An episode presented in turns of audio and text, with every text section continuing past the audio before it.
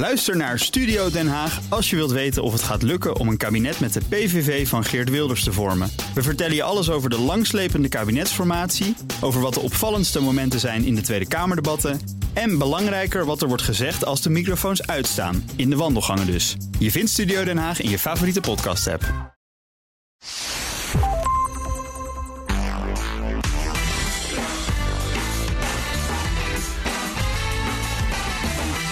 Welkom bij de Ben Tigelaar podcast bij BNR. De podcast voor persoonlijke en professionele groei. Deze keer ga ik in gesprek met een van de belangrijkste vergaderexperts van Nederland. Hij gelooft zelfs dat je gelukkig kunt worden van vergaderen. We gaan het hebben over vragen als: waarom hebben zoveel mensen een hekel aan vergaderen? En hoe kun je zorgen dat je vergaderen wel leuk en effectief maakt? Mijn gast in deze aflevering is Rick Nijkamp. Rick is organisatieadviseur en expert op het gebied van effectief vergaderen. Samen met Bart Groenewoud en Ernst van Dam schreef hij de bestseller Vergader jezelf gelukkig. Rick, welkom. Ja, dankjewel Ben. Leuk dat ik hier uh, mag zijn. Ja, nou, uh, meteen maar met de deur in huis vallen. Uh, waarom is vergaderen eigenlijk zo belangrijk? Ja, ik kan een heel lang antwoord op geven, maar om als organisatie heb je zelf een doel. En dat doel zul je moeten bereiken. En om een doel samen te bereiken, zul je moeten overleggen. En dat noemen we vergaderen. Ja, ja. Dus om je doelen te bereiken, moet je vergaderen. Het kan niet zonder vergaderen. Ja, kijk, als het heel helder is wat je met z'n allen moet doen. Uh, neem die heuvel in als commandant uh, in het leger of zo. Dan ja. weet je allemaal dat je die heuvel op moet stormen. Maar als er dan een obstakel onderweg komt. Ja, dan zul je toch even moeten overleggen. Hoe gaan we daarmee om? Ja, ja, ik snap het. Dus dat, is, dat coördineren, hè, als het een beetje complex wordt, dan kan je dus niet om vergaderen heen, zeg jij. Dan zul je met elkaar moeten overleggen en in Nederland noemen we dat vergaderen. Ja, precies. Oké. Maar waarom vind je dit zelf nou zo interessant? Ik bedoel, ik kan me allerlei carrières voorstellen, maar vergaderexpert, waarom zou je dat worden? Ja, wat mij, kijk, uh, ik heb een nimmer afnemende verbazing over hoe mensen met elkaar omgaan als we samenwerken. Um, en met, vanuit die verbazing heb ik eigenlijk gekeken, joh, wat is nou iets wat ons allemaal ontzettend irriteert? Wat ja. vinden we nou gewoon niet leuk? En zo kwam ik eigenlijk ook met Bart en Ens in aanraking. Ik weet nog, Ens is uh, directeur van de Capgemini Academy. En ik was met hem over allerlei dingen te overleggen. Hij zei, joh, we moeten iets oplossen wat mensen echt een hekel aan hebben. Ja. Ik zei, nou, wat gaan we dan doen? Nou, allerlei dingen komen natuurlijk voorbij. En nou, toen waren we het snel eens. We gaan, uh, we gaan bezig met vergaderen. Ja, ja. Maar jullie hadden zoiets, we moeten met elkaar een boek maken of zoiets? Of was het onderwerp meer dat je een probleem wilde oplossen? Hoe kwam je zo bij het onderwerp? Nou ja, we, hadden eigenlijk zakelijk gewoon een gesprek over van alles en nog wat. Even bijpraten. En, en eigenlijk zo kwamen we er eigenlijk op. Joh, wat vinden mensen nou echt niet leuk? Wat stoort ja. ons nou echt? En dat was vlak voor uh, um, destijds de corona begin. Um, dus wij hadden zoiets van, joh, waar lopen mensen nou tegenaan? En wat vind jij ja. nou vervelend? Wat vind ik nou vervelend? Nou ja, en toen kwamen we eigenlijk op het onderwerp vergaderen. En toen zijn we eigenlijk een beetje gaan toetsen links en rechts bij bedrijven, kennissen, vrienden, collega's. Um, van joh, hoe, hoe, kijken jullie eigenlijk naar vergaderen? Ja. Nou, en ik heb echt in die hele periode niemand gehoord. Dat vind ik zo gaaf. Nee, precies. Nee, uh, grappig om dat te horen. Dus jullie hebben eigenlijk, eigenlijk eerst eens gekeken van waar, aan wat voor soort kennis is nou echt behoefte. En toen weer met elkaar uh, op onderzoek uitgegaan. Wat nou de beste manier is om te vergaderen. Hoe werkt zoiets? Nou ja, kijk, we hebben op een gegeven moment gewoon iedereen gevraagd. Hè, wat, wat maak je mee? Wat vind je nou vervelend? Ja. Wat zijn de pijnpunten? En um, nou ja, die hebben we ook in kaart gebracht. En gedacht, kunnen we daar nou ook echt iets in veranderen? Want er waren best wel veel boeken geschreven. Um, als je kijkt, uh, uh, er worden heel veel tips nu nog hè, in, in de krant of noem maar op over thuiswerken en vergaderen. En ja. dan krijg je vaak te horen hoe moet je vergaderen. Maar wat ons echt interesseerde was, waarom moet je nou vergaderen? Oké, okay, daar begint het eigenlijk mee. En, wie moet daar dan bij zijn? Ja, maar misschien nog even helemaal terug naar het begin. Jullie hebben dus met heel veel mensen gesproken. En wat hoor je dan? Waarom vinden mensen vergaderen zo irritant? Wat, wat is de ergernis? Waar komt die vandaan? Nou, als je nou mensen hoor je klagen over vergaderingen, hè, dan uh, eigenlijk de pijnpunten die wij het meest horen, dat zijn eigenlijk wel dingen als um, joh, het steeds dezelfde persoon aan het woord. Ja. Uh, mensen die erbij zijn die echt niks toevoegen. We hebben gewoon een slechte voorzitter. Mensen blijven niet bij het onderwerp. Uh, mensen komen te laat. Uh, dit had ook wel zonder vergadering gekund. Je had gewoon een mailtje kunnen sturen. Ja. dat soort ja, ongestructureerde bijeenkomsten. Um, lost eigenlijk dat, dat soort onderwerpen ook op. Het levert niks op. Hè? Dat, ja. We zitten uren bij elkaar en ik kan je drie minuten bij vertellen wat we hebben besproken. Ja, dat, dat is wel herken, herkenbaar is voor heel veel luisteraars. Iedereen heeft het wel eens een keer meegemaakt, inderdaad. Zo'n vergadering waar ook deze dingen soms uh, tegelijk ook allemaal gebeuren. Ja, ja precies. Ja. Dus ook een terechte irritatie waarschijnlijk. Ja, een hele terechte. We hebben, ook, we hebben ook onderzoeken erbij gepakt. We hebben zelf ook onderzoek gedaan. Kijk, als je, als je even wat, wat gegevens hebt. 96 procent, en zeker online nu, skipt ja. wel eens een vergadering. Oké. Okay. Dat doe je niet omdat je het heel leuk vindt. Nee, precies. Nee. Nou, en, en, en dan kijk je, 73 procent zit wel eens wat anders te doen. Ja. Nou, als het je echt Tijdens, tijdens de vergadering. tijdens de vergadering. Dat is bij online vergaderen nog makkelijker natuurlijk. Nog makkelijker. Maar even, Ja. ik wil eens vragen, hè, de eerstvolgende vergadering dat iedereen bij elkaar zit. Staat je telefoon dan uit en staat je mail ook uit? Ja. Nou, ik durf te zeggen dat bijna 90% zegt nee, die staat gewoon aan. Ja. En dan ben je de helft van je concentratie ook kwijt. Precies. Ondertussen zit je een beetje te scannen wat er gebeurt in de Je vergadering. Maar je bent gewoon je mail tegelijkertijd je bent- stiekem aan het doen. Ja. en dan zeg ik, joh, dan interesseert het je dus eigenlijk niet wat op die vergadering staat. Ja. Het onderwerp wat, waar je op dat moment over hebt. En als we nou, nou hè, dus, eh, allemaal vervelende dingen. Er wordt dus heel veel vergaderd. Mensen vinden het eigenlijk gewoon ver- vervelend in veel gevallen. Er zijn er ook nog vaak dus niet bij. Of, of nou ja, fysiek niet bij. Of misschien ook mentaal niet bij. Waar begin je nou als je dat wil resetten? Als je, zou, als je nou luistert en denkt, oké, ja, dat moet gewoon eigenlijk anders. Want vergaderen blijft wel belangrijk. Want we willen wel doelen bereiken met elkaar. Dus je moet overleggen. Waar begint de reset? Hoe, hoe druk je die knop in? Nou ja, kijk, eh, als je naar organisaties kijkt en je wilt iets veranderen, dan moet er een noodzaak zijn. Ja. Maar als ik het woord vergaderen noem, dan is er bijna al automatisch een noodzaak. Even nog een één cijfer wil ik nog even aanhalen. 47% van Ja. werkend Nederland vindt vergaderen de allergrootste tijdverspilling. Oké, oh, dat, is ook, dat is ook wel heel erg, ja. Ja. nou dan heb je genoeg noodzaak om daar iets aan te doen. Ja, dus de noodzaak is er. En we willen graag dat het beter wordt. Ja. En, en wat we dan vaak doen, hè, en, en dan heb je dat, dan hebben we de pijnpunten opgehaald. En dan zijn we het allemaal met elkaar eens dat dat niet zo moet. En dan gaan we vervolgens kijken, joh, en hebben wij een simpel model voor. eh, ehm, joh, wat is nou eigenlijk een hele simpele oefening om op basis van belang, hè, hoeveel belang hecht ik nou aan, aan het overleg? Ja. En hoeveel, eh, eh, en ook op basis van respect, om je agenda op te schonen. Ja, belang snap ik. En wat bedoel je met respect? Ja, kijk, het gaat erom wat is de rol van vergaderen in jouw geluk. Hè? En, en wat zijn de vergaderingen in mijn agenda? Hoe belangrijk zijn ze voor me en hoe gelukkig eh, eh, maken ze? En op basis van respect voor elkaar, eh, met, met respect wil je dan je agenda opschonen. Dus je kunt niet zomaar zeggen: Goh, Ben, ik kom morgen even niet, want die vergadering voor jou die. Je nou, moet ook rekening houden met de belangen van de ander en het geluk van de ander, zeg ja, jij. ja, daar moet je bij stilstaan. Kijk, ik, ik zeg eigenlijk een vergadering, of wij zeggen een vergadering waar je eigenlijk die voor jou niet belangrijk is Ja. en waar je niet van blij van wordt, daar hoef je niet naartoe. Nee. Maar Ten- je tenzij, wel, je, tenzij je misschien andere mensen heel ongelukkig maakt als je niet komt. Nou ja, kijk, wij, wij noemen dat. Wij hebben dan zo'n simpel model wat we gebruiken in, in, in, in lezingen die we geven. En dan kan iedereen dan ter plekke meedoen. De, de geluk-o-matic noemen wij dat. Geluk-o-matic. De. Ik zag het in het boek staan en ik vond het een hele mooie naam. Ja, Je gooit er een kwartje in en dan komt de euro uit. Ehm, nee, wat je daarmee doet is eigenlijk zeggen, joh, op basis van een overleg, dan, dat scha- schaal je voor jezelf. Hoe belangrijk vind ik het en hoe belangrijk vindt de ander het? Precies. Ja. Nou, en eh, vervolgens kijk je naar. ehm, hoe gelukkig maakt het overleg mij? En dat doe je door het aan te geven: joh, is het de tijd waard die ik Ja. erin eh, besteed? En is het het resultaat waard? En dat geeft je ook een bepaalde, op een schaal van 1 tot 5, Ja. geeft je dat ook een klassificatie. En vervolgens vul je dat in in de matrix, waarbij op de x-as zie je dan eh, zeg maar het belangrijkheid staan, de mate van belang die je eraan hecht, die Ja. jij eraan hecht. En op de y-as de mate van geluk. En overal waar het geluk laag is, zul je dus in gesprek moeten met de partij waar je mee overlegt. Precies, Of dat een bilateraal is, of, of met, een, met een andere, met, met meerdere. Misschien wel je managementteam of je directieteam. En daar zul je dus zeggen, jongens, ik word hier niet zo blij van. Dat is wel grappig. Dus eigenlijk zeg je, eerst ga je dat dus eh, eh, eh, eens even heel goed, die meeting die je dan in de agenda moet komen, of die vergadering waar mensen naartoe willen werken met elkaar, dan ga je eerst eens even goed tegen het licht houden. Een paar van dit soort criteria. Nou maar dat, doe, die- je, dat doe je eigenlijk inderdaad met wat je nu in je agenda hebt staan. Precies, oké, goed. En nou gaat hij door, die vergadering. Want het is en belangrijk hè, voor allebei de partijen. En misschien word je er ook nog wel gelukkig van, of misschien niet genoeg. Hoe ga je zorgen dat zo'n vergadering ook werkt? Dat die, dat die effectief is? Dat, dat het belang ook gediend wordt en dat het ook inderdaad een beetje leidt nou ja, tot wat werkplezier, zou ik maar zeggen. Nou ja, kijk, wat, daarbij het allerbelangrijkste is... Hè, en ook dat mensen dus die pijnpunten als 73% zit wat anders te doen... eh 47% vindt het eigenlijk tijdverspilling. Dat betekent eigenlijk dat je niks hebt met, met het overleg wat, wat er staat. Ja. En wat wij eigenlijk zeggen, voordat ik je ga vertellen hoe je dat dan moet doen... Hè, denk nou eens eerst eens na, waarom ga je vergaderen? Wat is nou het Ja. doel van het overleg? Dus, wa- wa- want heel veel vergaderingen, als je uit wordt genomen voor een vergadering... verstel maar eens een tegenvraag, waarom moet ik, eh, wat is het doel? Ja. Ik denk dat je heel vaak geen antwoord krijgt. Dat weet ik wel zeker inmiddels. Nou, ja, alle- je hebt dit al genoeg mensen gevraagd. Ja, nou, inmiddels zien we het gewoon bij de bedrijven waar we komen. Ja. En de tweede vraag is, als je dan weet waarom is deze vergadering, als het een helder doel is. Ik zei net, we moeten die heuvel veroveren en er komt opeens. eh, eh, nou, ik vind het eigenlijk wel mooi bij, bij basketbal. Dat is een mooi Ja. voorbeeld. Basketbal, hè, op een gegeven moment ben je aan het basketballen en je hebt een heel helder doel. Je wilt winnen. Ja. Nou, dan ga je beginnen met z'n vijven. Je wisselt af en toe. En opeens komt Magic Johnson of eh, een of andere, nou dat is misschien te oude bekende basketballer, Ja, James precies. LeBron of iemand. Die komt bij de tegenstander in het veld. Dan denk je, oh wacht even, nu is er iets. Dat gaan we niet meer winnen. En dan zie je die coach een time-out. Oké. En die gaat dan overleggen. Die zegt, jongens, we hadden een helder doel. We zouden deze wedstrijd winnen. Maar nu hebben ze iets gedaan waardoor we waarschijnlijk die wedstrijd niet zo Het makkelijk wordt winnen. moeilijker, ja. Dus wat gaan wij nou anders doen? Er is dus een obstakel. Dus en het obstakel moeten wij dus overwinnen. Dus gaan we onze tactiek aanpassen. Dus Ja. dan ben je eigenlijk aan het vergaderen omdat je even je doel niet kunt bereiken. En je gaat weer verder.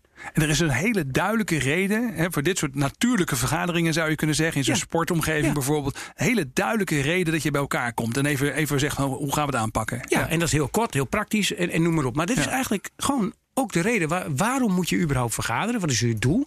En dan komt de volgende. Als ik nou een goed doel heb bedacht en we zijn het allemaal mee eens. Dan ga ik denken, wie heb ik daarvoor nodig? Ja. Dus als ik een obstakel heb en ik, ik weet eigenlijk wel dat ik een idee heb. Nou, kan ik dat zelf oplossen? Dan hoef ik niet te vergaderen.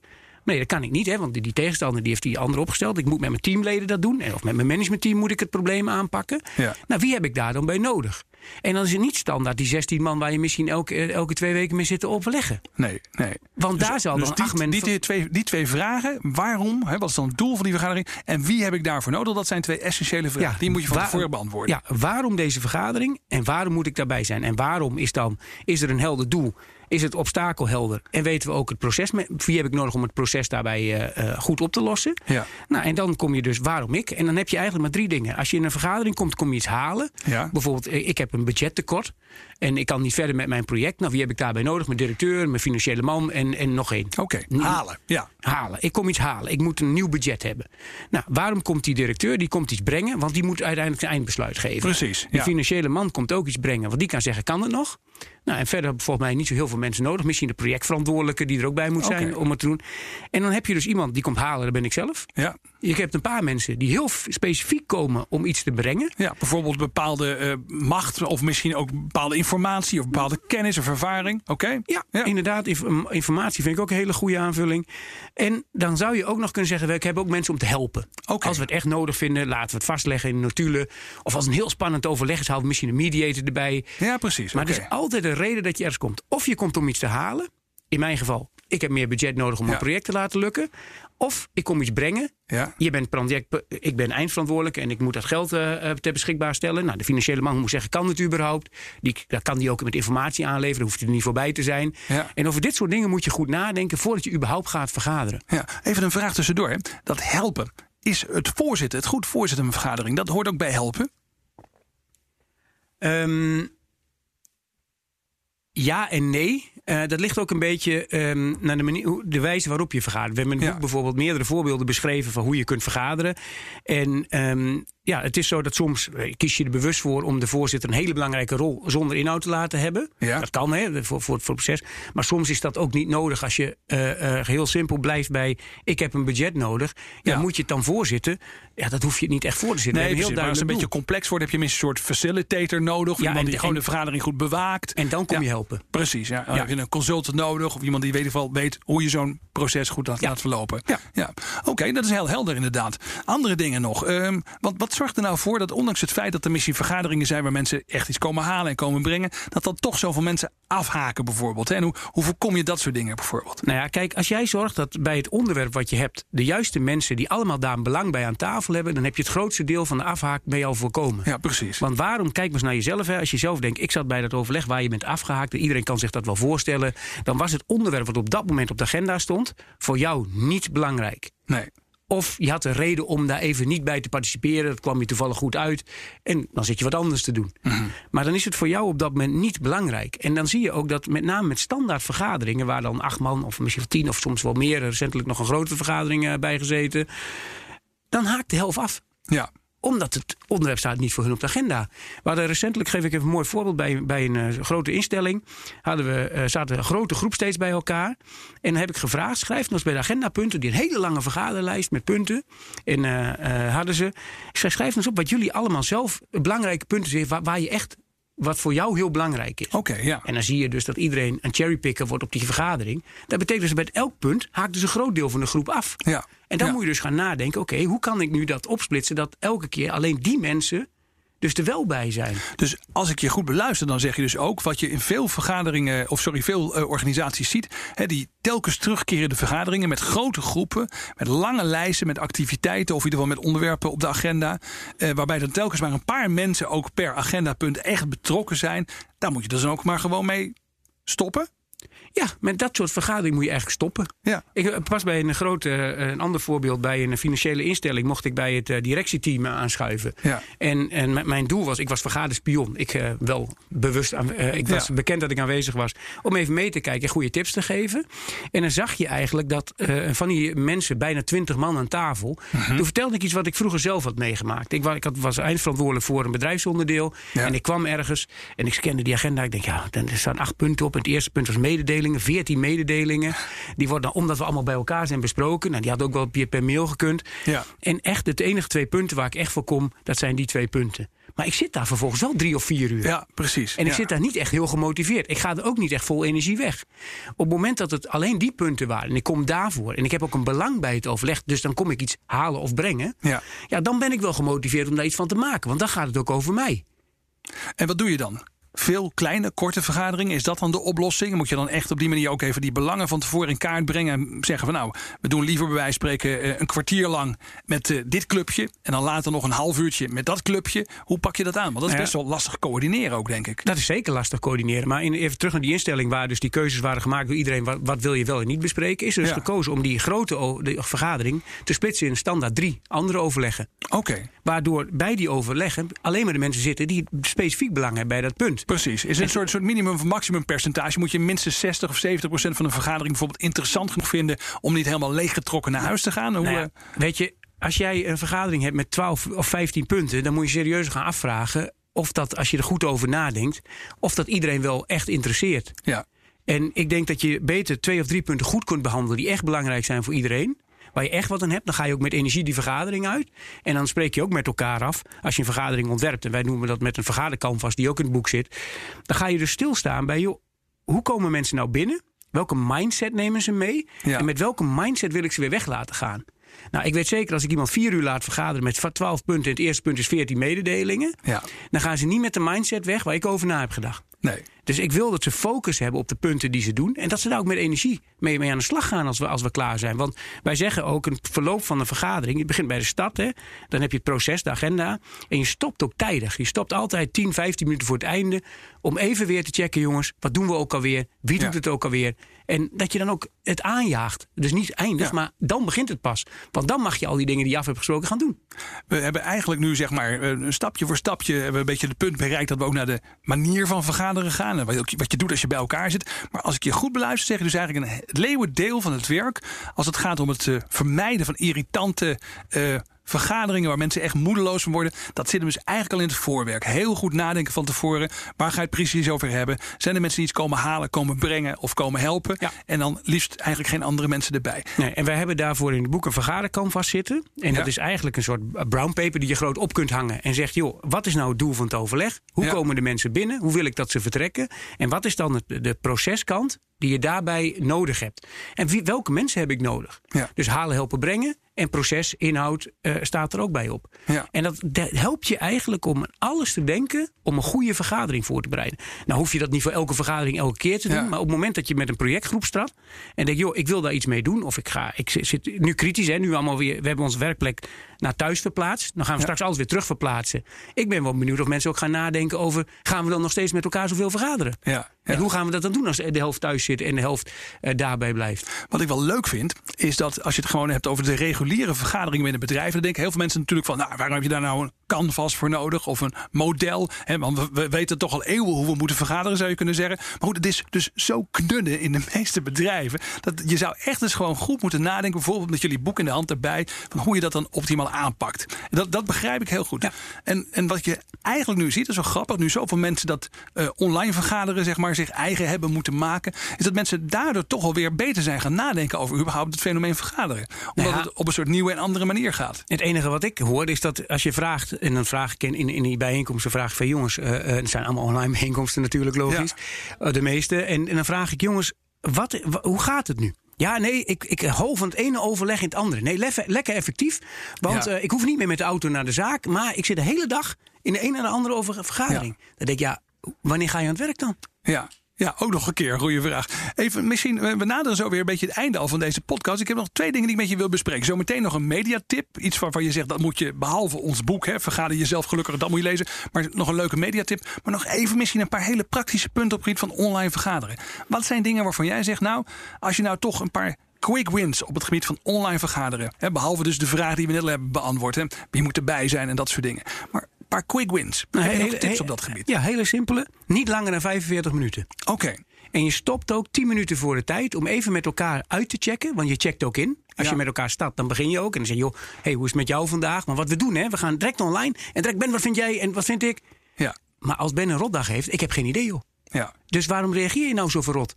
Ik heb geen idee. Dus je moet even de tijd nemen om te weten hoe het met iemand even gaat. Even met elkaar verbinden. maak die agenda niet te lang. Houd even tot de kern. En dan logisch zoek daar ook de mensen bij waarmee je overlegt. Stop ook tijdig en stem met elkaar af. Jongens, wat doen we nu? En hoe, wat, hoe, wat gaan we de volgende keer doen? Gaan we nou weer bij elkaar zitten? Of gaan we alleen bij elkaar zitten als? Ja. Dus laten we daar ook even bij stilstaan. Nou, dat is één, één ding. Dus niet, niet te lang.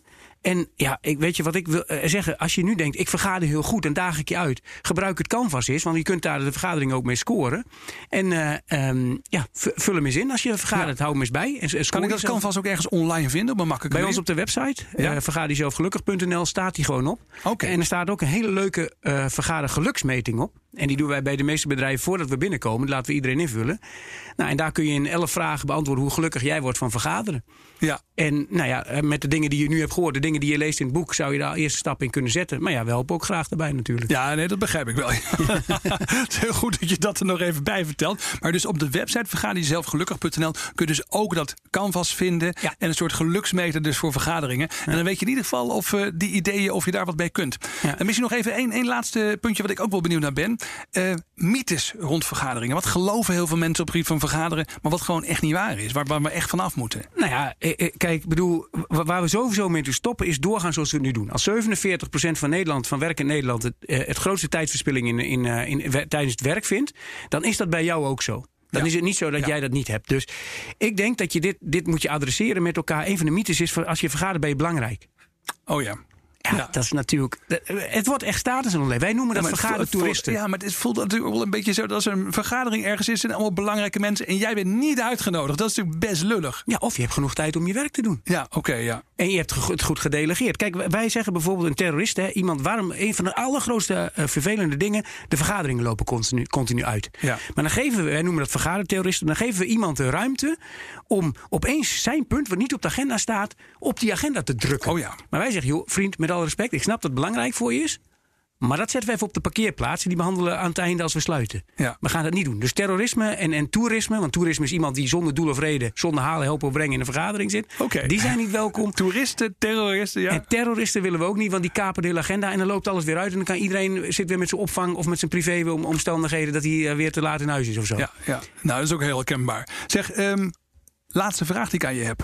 Een mediatip. Als ik op dit vakgebied nou iets wil lezen, uh, kijken, uh, iets waarvan je zegt dat is echt inspirerend. Dat moet je naar, dat moet je, daar moet je eens naar kijken. Nou ja, ja, dan, ik is een beetje flauw om te zeggen het boek, maar ik heb uh, wat ik zelf. Het gaat om hoe we met elkaar omgaan als we werken. En dat we Ja. daar eigenlijk niet goed genoeg uh, bij nadenken. En dat dat een kleilaag is, wat heel normaal is, dat we alleen maar vergaderen. En als ik dan denk, hè, ik vind eigenlijk, en dat gaat niet alleen voor die doelgroep. Simon Sinek heeft op uh, YouTube een filmpje gemaakt. En dat gaat over millennials. En denk je, gaat het alleen over millennials? Ik ben zelf vader van twee kinderen, 14 en 17 jaar. En daar geldt het ook voor. En dat zijn geen millennials. Oké. En dat gaat over hoe we met elkaar omgaan in de huidige dag. En dat gaat over techniek, dat gaat over gedrag van onszelf. En dat heeft zoveel te maken. Hij begint ook in minuut 12, heeft hij het over vergaderen. Ja. Nou, ik zou er echt even naar kijken. En het is heel herkenbaar. En daar kun je wat aan doen. Hartstikke mooi. Simon Sinek uh, over, over millennials. Goed. Um, erg bedankt Rick voor het delen van je inzichten met ons. Leuk dat je hier wilde zijn. Graag gedaan. Ik vond het ook leuk. Ja, dit was de Ben Tichelaar podcast bij BNR met als gast deze keer Rick Nijkamp. Vond je deze podcast interessant? Abonneer je dan, dan hoef je geen aflevering meer te missen. Dank voor het luisteren en tot snel.